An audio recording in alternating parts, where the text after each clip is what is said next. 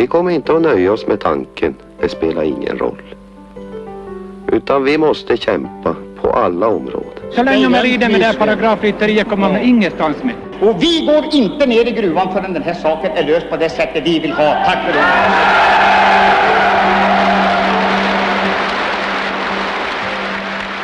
Men då kör vi Kamp William-podden. Jag är Elisabeth Kvarnström och jag är ombudsman för Vänsterpartiets Norrbottensdistrikt. Och idag har jag med mig Nina Bergård som ordförande för distriktet och Birger Lahti som är riksdagsledamot för Vänsterpartiet. Hej hej! Hej. Och vi ska prata lite om hur vänstern i Norrbotten mår egentligen. Och eh, valresultatet på riksnivå var väl inte så jättespännande eller roligt för oss. Men lokalt och regionalt har vi ju blandat, blandat resultat.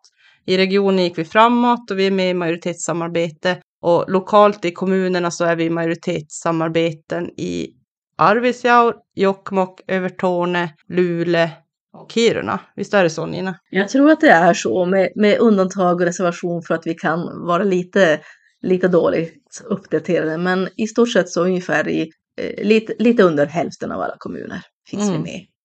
Men vill ni berätta lite om, om, om du kan börja själv Nina och berätta om, om din bakgrund och engagemang i vänsterrörelsen i Norrbotten. Mm, min bakgrund kan ju uttryckas vara lite varierande just med tanke på att jag har hamnat som, eh, man får säga, väldigt aktiv vänsterpartist. Jag kommer inte alls från någon politisk bakgrund. Däremot så kommer jag ju från en, en bakgrund, en uppväxt där man har visat ett engagemang och varit aktiv och delaktig i samhället. Som har handlat mycket om att man ska hjälpas åt för att få det att funka. Både i livet och det som bidrar till livets höjdpunkter i form av kultur och idrottsutövande och eh, engagemang helt enkelt. Eh, mina första två år spenderade jag på, vad jag vet i alla fall, eh, mina första två år spenderade jag på ett barnhem i Dhaka, ett av världens fattigaste länder. Då också ett av världens yngsta länder som uppstod ur ganska turbulenta eh, förhållanden. Så det fanns egentligen inga papper eller ordning och det handlar mycket om att betala sig genom systemet för att få det att funka för de som hade pengar. Jag eh, kom till Norrbotten, till Kangos i Tornedalen i Pajala kommun och tyckte väl att det var ganska litet eh, på något sätt. Eh, och både av den känsla av att man var lite apan i bur som, som mörkhyad i, i, den, i sin närmiljö, men också av någon, någon vilja och någon nyfikenhet på livet eh, och världen så, så flyttade jag till Luleå. Och det här är ju en stor stad på sitt sätt, men också ganska liten och jag har blivit kvar här av diverse anledningar. Eh, men väl här så, så tog ju den här känslan av att man ändå ska vara delaktig, engagerad, göra saker, vara nyfiken och vilja. Eh, det tog vid. Eh, och ganska fort, så fort jag gått ut gymnasiet, eller egentligen redan på gymnasiet engagerade jag mig i elevfackliga eh, frågor och, och arbetade med dem och var väl ganska, ganska känd på skolan. Just för att vi, vi var ganska synliga, vi som jobbar med elevkåren. Eh, gjorde väl hyfsat väsen av oss. Men när jag gick ut gymnasiet så, så var det fortfarande den känslan av att vad ska man göra med engagemanget nu? Det var val det året och jag visste ju vad jag tyckte redan, redan från tanken att, att eh, i det land där jag föddes så fanns det ju det tydligt eh, en utmärkt bana och framtid för de som hade pengar. De som kunde ordna det för sig eh, mot de som inte hade det. Och så är det ju i Sverige också faktiskt. Även om man inte kan, tack och lov, muta sig fram i samhället så är det ju stor skillnad idag eh, synbart på de som har pengar och de som faktiskt till och med lever under, under det vi kallar för fattigdom. Mm. Och det där syntes ju också på 90-talet, då när det var val. Det här var 91 när jag gick ut gymnasiet. Och kände att mitt engagemang eh, behöver ta vägen någonstans. Och jag gick på Storgatan i början på september och hörde Carl Bildt tala. Och han talade ju väl, men det, det, det land och den värld han pratade om, det lät väldigt illa också. Det är inte den värld jag ville ha. Och då visste jag att 150 meter därifrån så hade ju Vänsterpartiet sitt eh, kansli. Och då tänkte jag att ja, ja, man, någon gång ska man ju... Nej, jag tänkte nog ganska aktivt att det här går inte, det där vill inte jag vara med jag måste jobba, jobba någonting. Jobba med någonting som säger nej till det. Eh, och det här var 3 september 1991 och så gick jag, då gick jag med i Vänsterpartiet och eh, har väl i princip varit aktiv med någon form av antingen arbete på, på expeditionen i någon form eller som förtroendevald från och med december 91. Och det är ju snart 32 år sedan. Mm. Det är intressant att eh, Carl Bildt har en stor roll i, i Norrbottensdistriktet i Vänsterpartiet. ja, okej, okay. man kan väl säga att det var viss du vet, så här, trigger, utlösande triggerfaktor. Ja. Vi får tacka Carl Bildt för det då. Ja, det, det gör vi Hoppas verkligen. jag folk tycker.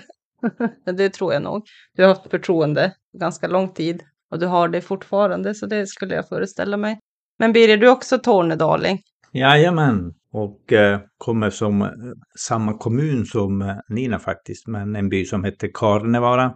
Och engagemanget för politiken, det måste jag säga att den väcktes hos mig redan som en 11-åring då när eh, skogsarbetarstrejken gick av stapeln och eh, jag fick höra en gång Paul Lestander som var strejkledare. Och hur den, eh, så att säga, givetvis det som hände i familjen och farsan blev barskrapad under de här tio veckorna som strejken pågick och det gjorde i sin tur att jag eh, bestämde mig tidigt för att för den här klassades ju som på något sätt, man stämplade den som en kommunistisk strejk.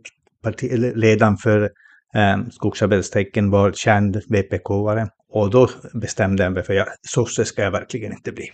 Någonstans där redan som 11-åring så tog jag beslutet, men jag blev medlem faktiskt i partiet redan 1980. Så det är ju drygt 40 år redan idag.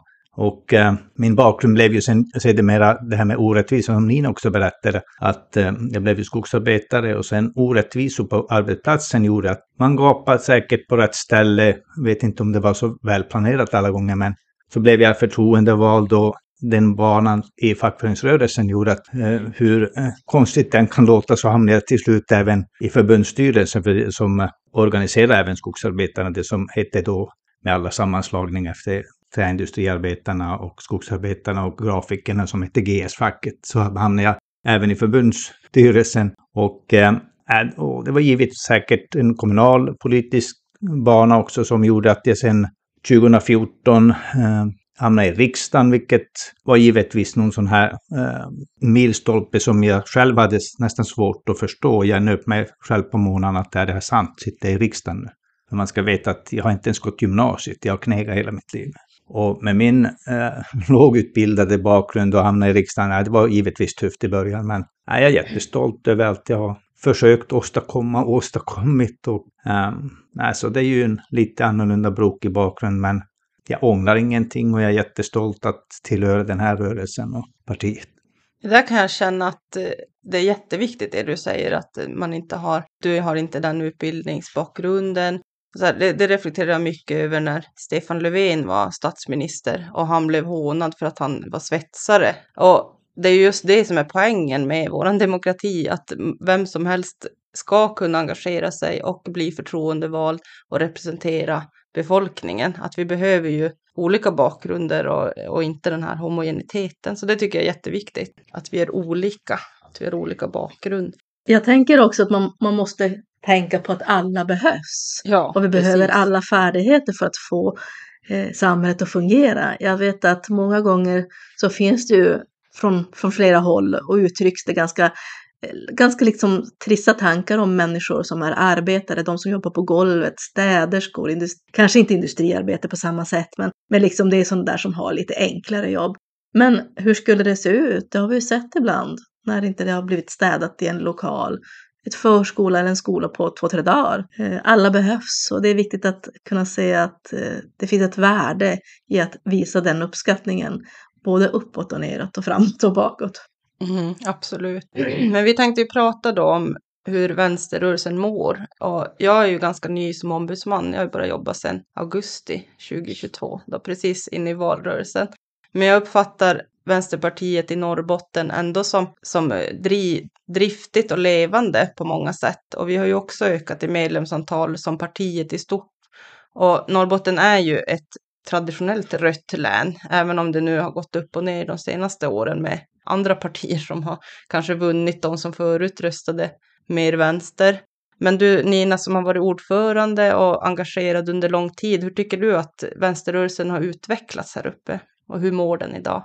Det där är nog lite, alltså det är lite svårt att svara enkelt på det där för att i grunden så, så mår vi bra, det tycker jag. Vi har blivit bra på att ta hand om varandra, vi har blivit bra på att eh, sträcka på oss och föra fram vår politik och våra förslag.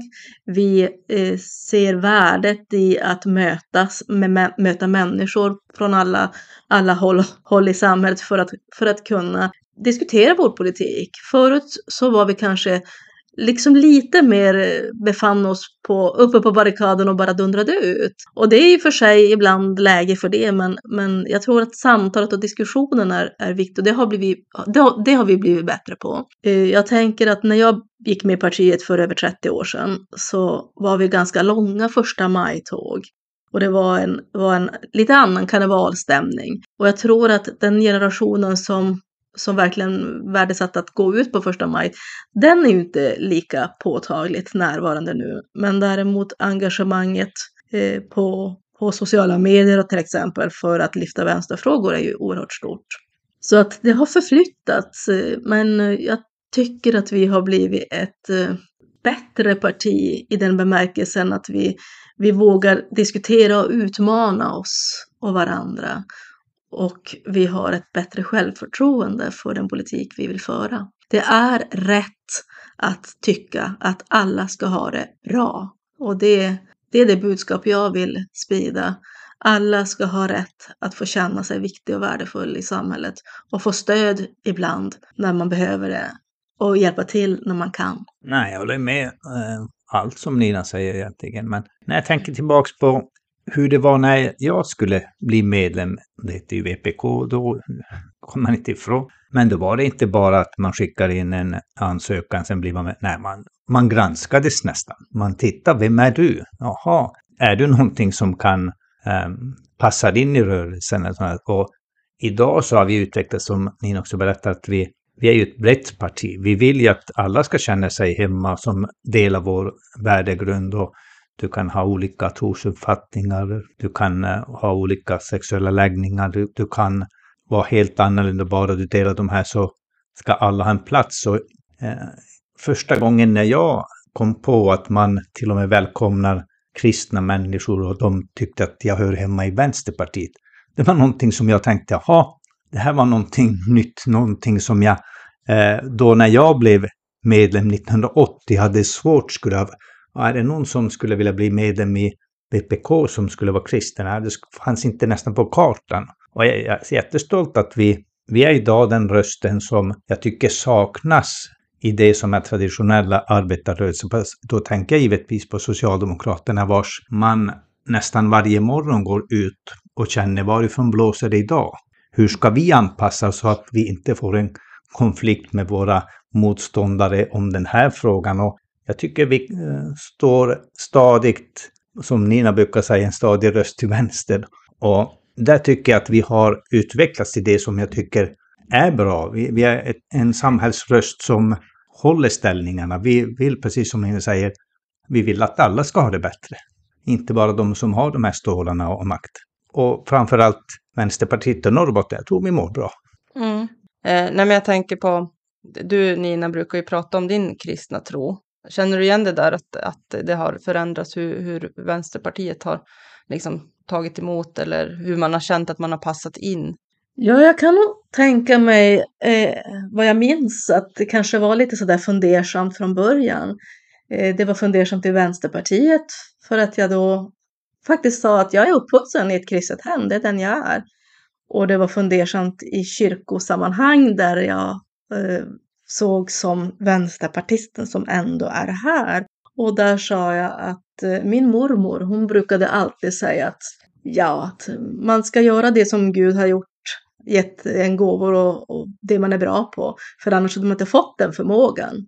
Och min mormor var verkligen inte varken V eller VPK, men hon tyckte ju att man ska ta vara på de förmågor man har. Och jag tänker att det är den jag är, det är det som är min bakgrund som har fört mig till Vänsterpartiet, som har fått mig att vara kvar i Vänsterpartiet. Eh, många gånger så, så kanske man inte riktigt har skrikit ut varken att man har en, har en kristen bakgrund eller att man inte ens är med i Vänsterpartiet. Men nu gör jag det väldigt tydligt både och så fort jag har en chans, höll jag på att säga. För jag är väldigt stolt över den jag är och jag tycker vi ska vara stolta över dem vi är, vad än den är. Eh, åtminstone om det den man är har fört den till att jobba för att vi ska ha det bra i samhället allihopa och att vi ska hitta en plats där alla får känna sig viktiga. Och det är det som är mitt, mitt mål i, i det politiska arbetet, att eh, det bästa jag vet som vänsterpartist, det är ju inte att sitta på några middagar för att man har ett kommunpolitiskt uppdrag. Det bästa jag vet är att gå en tisdag på Coop och träffa en ensamstående mamma som handlar på Coop på tisdagar för det är 5 rabatt där då som säger att tack för det du sa eh, i den artikeln eller i fullmäktige eller någonting sånt. Eh, det har stärkt mig, det har hjälpt mig. Tack för att Vänsterpartiet har drivit eh, arbetet för att vi som har det sämst ska få det lite bättre. Det är det som gör att man nästan blir lite tacksam över att få vara med i den här rörelsen. Mm, det är jättefint. Jag är ju inte någon, jag är kanske någon form av sökare själv, men jag såg en, en, en meme faktiskt som handlade om att eh, religiösa när de pratar om himlen, då pratar de om att det är klasslöst och det är eh, frihet och alla är lika mycket värda efter döden och sådär. Och då stod det längst ner, ja det där låter ju som socialism. Så, och du brukar ju säga att din Jesus var socialist. Absolut. Och som Tornedalen kan jag väl säga att ibland brukar jag, jag brukar aldrig prata om himlen sådär, men när du nu säger det och den här beskrivningen så kan jag tänka att eh, som Tornedalen så, så är väl bastun det närmaste himlen man kan komma. Och, och i bastun, för mig är det som alltid jobbat i bastu sedan jag var barn, så där är man, om man nu så vill då, naken eh, det spelar ingen roll, eller om man då vill ha handduk, det spelar inte heller någon roll. Men, men man alltid, alla är ju jämlika, det spelar ingen roll hur mycket pengar du har på banken. I bastun ska man liksom klara värmen, eller annars får man gå ut, men, och det är på samma villkor. Eh, ja, det där lät lite elitistiskt för mig som bastar ut de flesta, men jag har blivit utbastad av mina barn emellanåt också, ska jag ja, säga. Ja, det är väl generna då. Och jag har lärt, även mina, to, ba, alltså mina barnbarn och så här, att gå till bastu och sen går de upp och så säger jag är en tornedaling. ja, nej, men som sagt, även att vara tornedaling är någonting som jag är väldigt stolt över att få vara. Det är en del av mig. Ja, när bastade du sist, Birger? Uh, det gjorde jag precis innan jag åkte ner till Stockholm uh, förra måndagen faktiskt. Så nej, jag bastar mycket, det måste jag säga. Men i Stockholm blir det ingenting av det. Men hemma gör jag det i stort sett varje dag. Men eh, det här med tornedaling och jag fick ju frågan via sådana digitala, vem är det som kan så att säga kalla sig för tornedaling? Och jag tycker att det var en sån här diskussion om, om eh, barnen inte klarar språket, de bor inte här, men de har rötterna här. Jag tycker alla som själv tycker att det är tornedaling ska givetvis kunna kalla sig för tornedaling. Och det här med, som jag berättade om, jag tycker det är bra att vi har blivit ett parti som välkomnar alla. Och jag som ateist, jag eh, tror inte på någonting annat än fakta som kommer fram, oavsett om det är en minut innan eller två dagar innan. Så, men för mig spelar det ingen roll, för jag tycker att alla som har den här grundvärderingen och kämpar för samma sak, så jag tycker det är häftigt att vi kan jobba sida vid sida. Mm. Vad fint, det blir lite filosofiskt här, men det är ju också intressant hur, hur de bitarna ter sig sen i ert praktiska, eller i vårt praktiska politiska arbete. Jag tänker Tornedalen, Norrbotten, vi är ett län med, med stora avstånd eh, och mycket naturresurser. Och där har vi också nu ett val, ja men som jag sa i början, att valresultatet var ju inte särskilt glädjande för oss då, eh, i, i och med att vi fick den mest högerkonservativa regeringen med stöd av ett nationalistiskt parti som, som eh, styr. Och där har ju du i riksdagsgruppen, Birger, jobbat ganska hårt för att få ut Norrbotten som, som eh, förfördelat i det här med energipriser, elstöd, eller inte priserna kanske, men elstödförslagen och, och, och de bitarna. Men jag tycker att vi har ett litet eh, uppsving ändå för det mediala intresset för Norrbotten. Jag vet inte om du håller med, men jag tycker du har synts mycket och Nooshi har också pratat mycket om, om hela Sverige och inte att man ska ställa Norrbotten mot resten av Sverige utan att mer tvärtom att man ska inse att Norrbotten är en del av Sverige. Hur jobbar ni i riksdagsgruppen med de här frågorna? Om jag börjar i den änden, valresultatet och vårt län, så är det precis som eh, du beskriver att vi fick eh, ett eh, nationalistiskt parti som stödjer den här regeringen och deras uppsving, den är så enkel bara att de kunde härstamma till någonting som norrbottningarna säga, har nära till hands och det var bara bränslepriserna. Mm. Det är inte konstigare än så att man kunde med en så liten så att säga och smal politisk fråga kunna nå valframgång så är det, det är bara det att människorna känner att vi, vi behöver bilen, vi behöver de här bränslena. Vi har inte på plats eh, ersättningar för det. Och då är det var en stor plånboksfråga som gjorde att partiet fick röster fast de inte hade en enda valaffisch i en kommun så kunde de plocka hem 20 procent. Det är inte konstigare än så. Och vad gäller riksdagsgruppen, frågan om Norrbotten, så är det precis att de har ju blivit av den anledningen att de är på varenda nästan dagligen när du öppnar en tidning så står de de här revolutionen som industrin vill göra, omställningen, och de finns uppe i norra Sverige. Och då blir det naturliga kopplingar att ja, nu är det någonting stort som händer här och hur så att säga jag då kan försöka förmedla det som hur norrbottningarna känner, vad som är viktigt för oss. Och det är ingen science fiction eller nyhet för dem att när vi kan ha i början av mars minus 30 grader om morgonen så kan tussilagon blomma i Skåne och det är stor skillnad på bara temperaturen. Och då energipriserna var ju något sånt där som verkligen lade på sin spets när man började se att jaha, nu har eh, givetvis den här förkastliga kriget i Ukraina gjort att gaspriserna gjorde att elpriserna skenade iväg på kontinenten och att vi som den största exportlandet vad gäller el till andra länder ska betala hutlösa priser av vår egen producerade el. Det blir bara så fel så, och jag är glad att vi driver på den här modellen som vi kallar för Sverigepriser, men som egentligen är, eh, man är planka av, av några duktiga energiprofessorer eller vad jag ska kalla dem, Bekenmodellen som man kallar det för, att man ska prissätta först de svenska konsumenterna. Och vi blir ju påhejade av både industrin, av eh, Hyresgästföreningen, Villaägarna, LO och några kallar det för några andra saker, men det är samma sak. Man inser ju att det här blir galet. Det gynnar ju inte först och främst synen på samarbete med Europa om man ser att vi betalar ett eh, tiofaldigat eller mer pris för vår egen el. Och det slår hårt på landshandeln, det slår hårt och det eh, äventyrar kanske till och med stora investeringar i norra Sverige.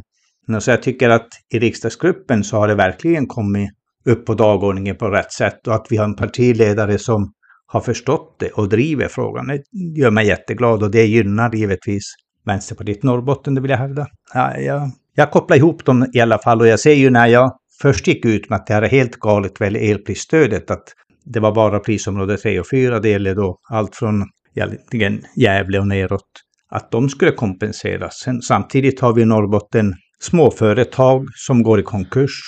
Människor är skuldsatta på grund av elräkningen. Jag får dagligen mejl, till och med gammaldags snigelpost från pensionärer som visa deras elräkning som går på 13 000 och de får ut 10 700 i pension. Och då, då, det går inte att man inte så att säga blir berörd av de här berättelserna. Men att få eh, regeringen att förstå det, då, nu har vi fått lite eh, så att säga löften om stöd även för privatpersoner, men företagarna i Norrbotten, de har ingenting idag att luta sig mot. Ja, men vi jobbar ju på med, med med de frågorna. Men vi, har vi med oss något av de andra oppositionspartierna eller är det svårt även där? Jag har ju sett att intresseorganisationer är ju på samma linje. Som du nämnde, Villa, Villaägarnas riksförbund och har pratat om det. Men hur går det annars med de andra partierna? Nej, jag tror att eh, deras bild av eh, när de eh, känner för europeiska samarbetet, de törs inte ens peta i det att nu är det faktiskt någonting som vi har hamnat fel. Och, men det känns ju att det rör på sig. Det finns andra länder, Spanien, Portugal, Polen, som har frångått prissättningsmodellen. Och det säger någonting i alla fall att, ja, och Ursula von Leyen eh, från kommissionen deklarerade ju att den här fungerar inte nu, prissättningsmodellen fungerar inte. Men ändå så har man inte än så länge i alla fall hört vad det skulle innebära för eh, modell istället för den som vi har idag. Men andra partier i opposition, nej, de ligger still i båten.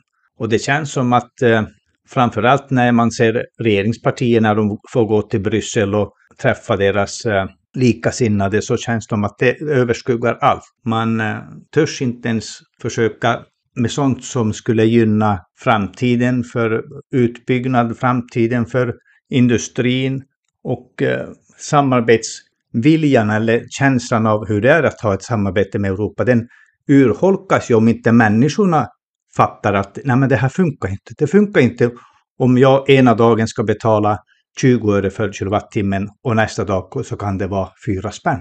Nej. Det ger ju en där bild av att nej men, varför kan inte ni eh, inse eller erkänna problemet eller att nu blev, det här blev fel, nu måste vi börja om på nytt. Och jag tar mig för pannan när inte i alla fall fortfarande idag finns några andra partier som ger stöd.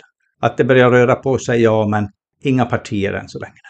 Ja, men Nina, du sitter ju som ersättare i partistyrelsen. Eh, tycker du att det har varit lätt eller svårt eller utmaningar med, med att föra fram Norrbottensperspektivet i Vänsterpartiets egen in, interna dialog och debatt? Nej, egentligen inte. Eh, det, det, är ju ganska uppenbart och tydligt att det är liksom kris på, på den här frågan, och den här, inom den här frågan och, och det är alla medvetna om. Mestadels är det någonting som, som man har arbetat med från, från riksdagsgruppens sida och där tycker jag att man har varit tydlig och eh, stått fast hur den vindarna har blåst. För vi vart ju som parti nästan idiotförklarade från början att komma med det här förslaget. Eh, men samtidigt, om jag handlar ägg från Klöverträsk här i en by nära Luleå eller om jag handlar dem från Tyskland så är det väl rimligt att de är billigare här. På något vis är det väl samma med, med elen, att det är väl rimligt att om vi producerar en massa el i Sverige, att människor som bor i Sverige kan få den billigare än de i Tyskland eller i, inte vet jag, Japan mm. på något vis närhetsprincipen borde väl ändå gälla på något vis kan jag tycka. Eh, det verkar ganska, det tycker jag att inte, inte känna att det finns en, en rimlighet i det tycker jag är, är lite dumt i huvudet istället. Eh, kanske man inte ska använda dum i huvudet åt något, om, om någon i sig som uttryck, men, men det var ju först att det kändes som att vi var mer eller mindre idiotförklarade att vi kom med det förslaget. De skrapar snö här nu. Ja. Såg den ut att vara klar snart? Eller? Ganska snart, ja, det tror jag. Jag tror det var sista rundan här faktiskt. Åkte den iväg nu tror ni? Jo, den körde iväg. Vad sa du sist? Vad, vad var ägg? Ja men, ja, men mark ägg och marknaden. Nej men det är ju riksdagsgruppen som har fört den här frågan mest på dag och haft den aktuell på dagordningen. Och det, det, är ju en fråga som riksdagen har diskuterat och fört. Men naturligtvis så finns det ju en, en, en insikt i partistyrelsen också att det här blir väldigt orättvist och väldigt svårt för många människor. Det är ju som Birger berättade här, en människa som har 10 och 7 i, i, ut i månaden i sin pension och får en elräkning på 13 000. Det, jag menar, man behöver inte vara Einstein för att förstå att det där går inte ihop. Och även om man då ska kanske ordna med en avbetalningsplan så får man ju en ny elräkning och en ny elräkning och en ny elräkning. Och det här kommer ju att knäcka många människor, både ekonomiskt men också liksom, ja, mentalt, att inte kunna klara, inte kunna försörja sig. Mm. Ja, vi stod, Norrbotten står ju för en stor del av energiförsörjningen i, i Sverige. Men tror, tror du, Birger, att det blir kärnkraft de närmsta åren som regeringen har pratat om? Eller vad var det från början? Det var hundra dagar de skulle, inom hundra dagar skulle de börja titta på hur bygga ny kärnkraft. Nej, jag tror inte att, um, jag tror insikt eller realiteten kommer ikapp nu för alla vet om att uh, oavsett om det skulle vara någon uh, så att säga investerare som skulle vilja titta på nya reaktorer så är de 15 år fram i tiden. Och den här frågan kommer ju inte lösas om inte vi gör någonting med prissättningen för gasproblematiken, den är fossil fortfarande och vi idag när man fyller på de här eh, gasreserverna när man försöker stänga den här Rysslandsgasen så handlar man från andra ganska tveksamma stater. Så den problematiken kommer inte... Måste vi varje vinter då komma med att betala människors el, elräkningar? Det finns bara ett sätt att lösa det, det är att göra prissättningsmodellen mer nykter. För det är precis som Nina säger att Det finns eh, personer som från sin köksfönster ser en vindkraftspark och eh, man vet att vindkraft idag utan stöd så är inte produktionskostnaden mer än 30 öre. Och de ser parken från sitt köksfönster. Betalar nu ett snitt, och som inte har avtal, som har rörligt pris, har december månad kanske betalat nästan 3 kronor per kilowattimme. Samtidigt så har elen från den här parken som de ser från fönstret, där en utländsk investerare har investerat och byggt upp den, har intecknat produktionen. Produktionen går utomlands på ett långtidskontrakt vars priset kan vara 30-40 öre. Det är klart att då den här människan som själv betalar 3 spänn per kilowattimme, man ser produktionsslaget från köksfönstret och den går utomlands och den är intecknad i långtidskontrakt, då har vi missat någonting. Man har varit naiv, givetvis, som nation när man med all så att säga god vilja har velat ha förnybar elproduktion. Men man har missat några väsentligheter som blir fel. Så om vi ska lösa det här till nästa vinter så att man inte behöver igen betala människors elräkningar och göra dem frustrerade.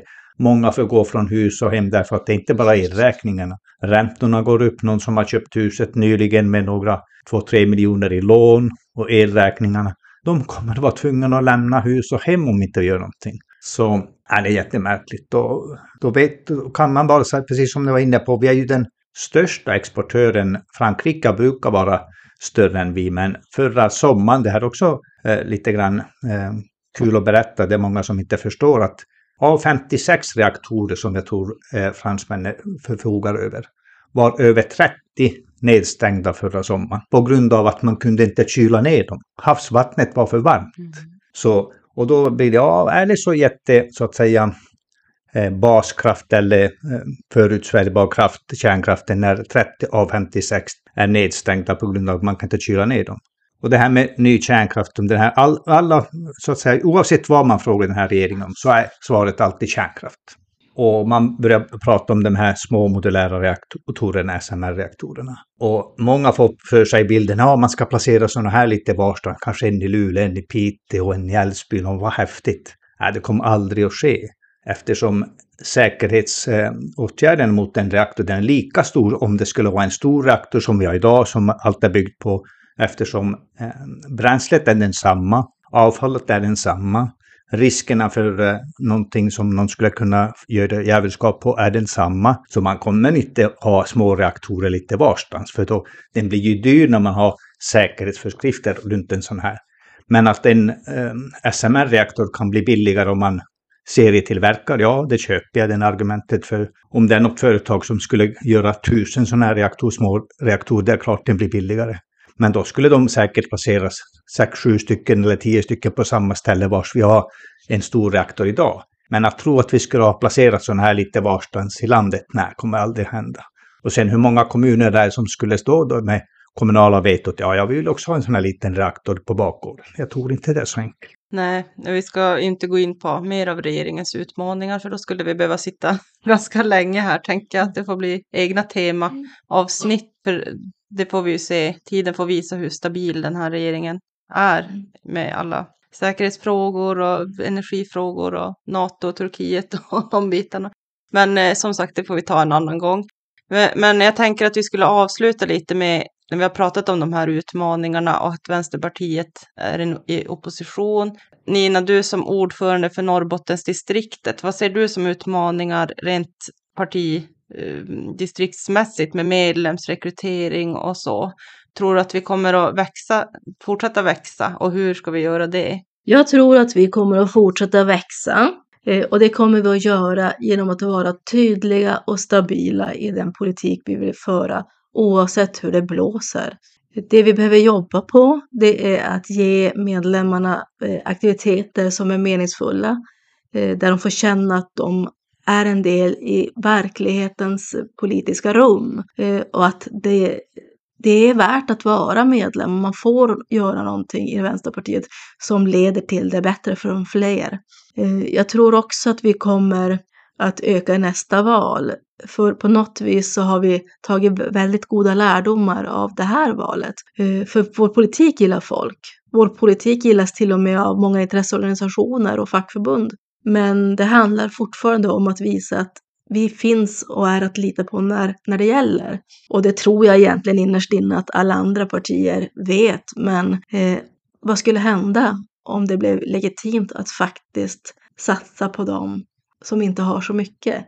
Vad skulle hända om det visade sig att det var lönsamt? Inte kanske ur ekonomisk synpunkt i första hand, utan ur ett ökat människovärde. Att ge alla en rätt att finnas i samhället. En känsla av att vara viktig. Det är väl det, sådana frågor som kanske nästan är lite mer filosofiska. Eh, men det är det vi vill bidra med som i Vänsterpartiet. Och det är det som jag vill skicka ut till alla, både invånare och eh, blivande eller nuvarande medlemmar i Vänsterpartiet Norrbotten. Att vi kommer att fortsätta arbeta för att eh, människa det är någonting värt att vara, oavsett om du är född fattig eller rik, eh, svart eller vit, eh, straight eller gay eller vad än det må vara. Kristen eller ateist också förstås, som vi har varit här inne och pratat om. Eh, så att eh, du, du finns och behövs i Vänsterpartiet, i vänsterrörelsen. För förr eller senare, till syvende och sist, när vi dör så ska all, bör alla kunna säga att jag har gjort mitt bästa. Och det kommer man att göra när man är med i Vänsterpartiet. Det kommer jag att göra. Om jag kommer ihåg och, och hinner tänka så långt den dagen det händer. Mm, det ska jag ta med mig i mitt arbete som ombudsman. Jag ska stötta partiföreningarna i, i de här organisatoriska bitarna. För det är jätteviktigt att komma ihåg varför vi gör, gör det vi gör och varför vi ska engagera oss. Eh, men du Birger, vad ser du som de största utmaningarna den här mandatperioden då för Vänsterpartiet i riksdagen? Nej, men det är ju försöka vara den här drivande kraften i oppositionsrollen. Det är inte lätt när vi har ett stort parti som har eh, stor vana av eh, att sitta i regering, som nu eh, sitter i opposition. De har eh, vanan av att eh, dra i rätt trådar snabbt och då gäller det för oss, och vi har ju sett att vi har lyckats några gånger redan nu, vara först på bollen. Det är sådana grejer som gör att vi kommer att få fokus på oss. Vem var det som eh, började ge kritik för det här? Vem var det som så det, det, är en, det är en viktig roll vi har i oppositionsrollen nu. Men vad gäller som Norrbotten och eh, hur partiet till nästa val så är det viktigt att vi hamnar rätt. För det är ju många som nu, oavsett eh, vad man tycker om industrietableringar, vad man tycker om Eh, naturresurser, så är det viktigt att vi hamnar rätt så att vi inser att ja, vi kan nog inte leva som vi alltid har gjort. Vi kan inte så att säga ha samma agenda som man hade för 30 år sedan. Men att det finns saker och ting som världen kommer att behöva och vi ska göra det bästa med de bästa tekniken, hårdaste kraven på miljö, klimat och att vi ändå är med på banan, att vi som parti visar att ja, vi har kunskapen, vi litar till oberoende forskning, vi, att vi inte blir så att jag sidsteppade på att ja, ni, ni vill bara stänga ner, ni vill bara att vi är med på banan med bra idéer, med bra balanserade avvägningar på många fronter. Jag tycker där är vår lösning och jag tycker vi är på bra väg. Och den här linjen som partiet har tagit, jag tror det gynnar Norrbotten. Och det gynnar norrbottniska medborgare när de ser att ja, Vänsterpartiet har förstått hur den här vägen till ett hållbart samhälle kommer att se ut och varför. Jag tror det kommer vara av knäckfrågor. Spännande. Det är en spännande mandatperiod vi har framför oss. Absolut. Absolut, och eh, jag tror att den här kommer att visa på en skiljelinje mellan vilka partier som vill visa solidaritet med människor och vilka som förespråkar det här med nästan sköt dig själv och skit i andra. Och eh, jag tror att vi kommer att ligga väldigt bra till där.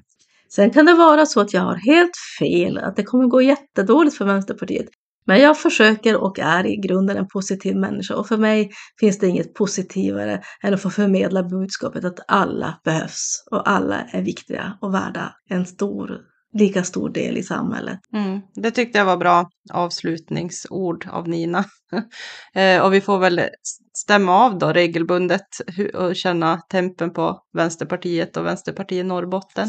Men nu tycker jag att jag vill tacka för att ni var med och så säger vi hej då. Tack och hej då! Tack så mycket, hej!